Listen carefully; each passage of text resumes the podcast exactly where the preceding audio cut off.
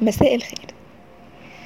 ناس كتير بتحس إنها عايزة تنجح وعندها أهداف عايزة تحققها بس مش شايفة في نفسها إنها عندها مقومات النجاح أو إن النجاح ده اتكتب لناس معينة بس. بيحسوا إنهم مش قد الخطوة دي وبيستكتروا على نفسهم يخشوا التجربة يمكن ينجحوا فيها.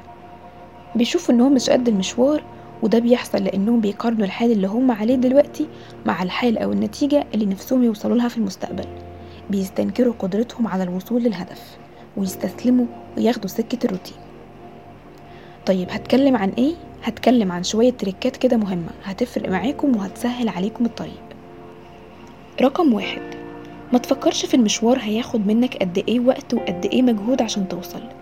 فكر في اللي تقدر تعمله دلوقتي واللي تملكه دلوقتي من وقت وأدوات. أي حاجة لسه هتيجي في المستقبل مش بتاعتك. أي هدف بنكون عايزين نحققه بيكون محتاج خطوات. ممكن أكون مش عارف كل الخطوات دلوقتي حالا بس أنا على الأقل عارف أول خطوة اللي هبدأ بيها فأشتغل على اللي معايا. يعني مش شرط أقعد أفكر في الخطوة اللي بعدها واللي بعدها وأقعد أحط خطة على مدار شهور وسنين وفجأة ما أعملش أي حاجة. أبدأ باللي أقدر عليه دلوقتي وبعدين كل خطوة هتجر التانية. وده بالمناسبة هيعلمك إنك ما تشيلش هم كل حاجة لسه هتحصل في المستقبل. رقم اتنين ما تخليش حماسك يخليك وانت بتبدأ في أول خطوة تملى الدنيا أفكار وتاسكات كتير. معتقد بكده إن النجاح هيجي أسرع بس الحقيقة إن ده غلط لأن هيخلي طاقتك تقل.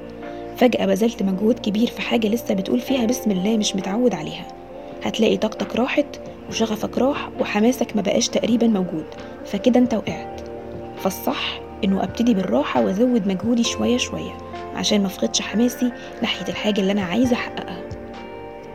رقم ثلاثة لو أنت شخص مش متعود أصلا يحط خطة ويمشي عليها وكل ما تنوي تحقق هدف معين تلاقي نفسك بتمل ومش بتكمل. خليني أقولك على نصيحة صغيرة إن شاء الله تساعدك. ابتدي المرة دي بتجربة صغيرة.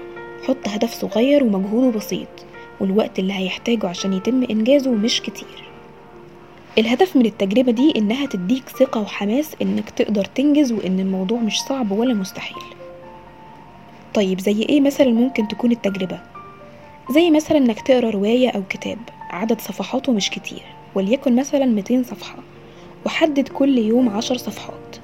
مش هياخدوا منك وقت وهتلاقي نفسك خلال عشرين يوم خلصته.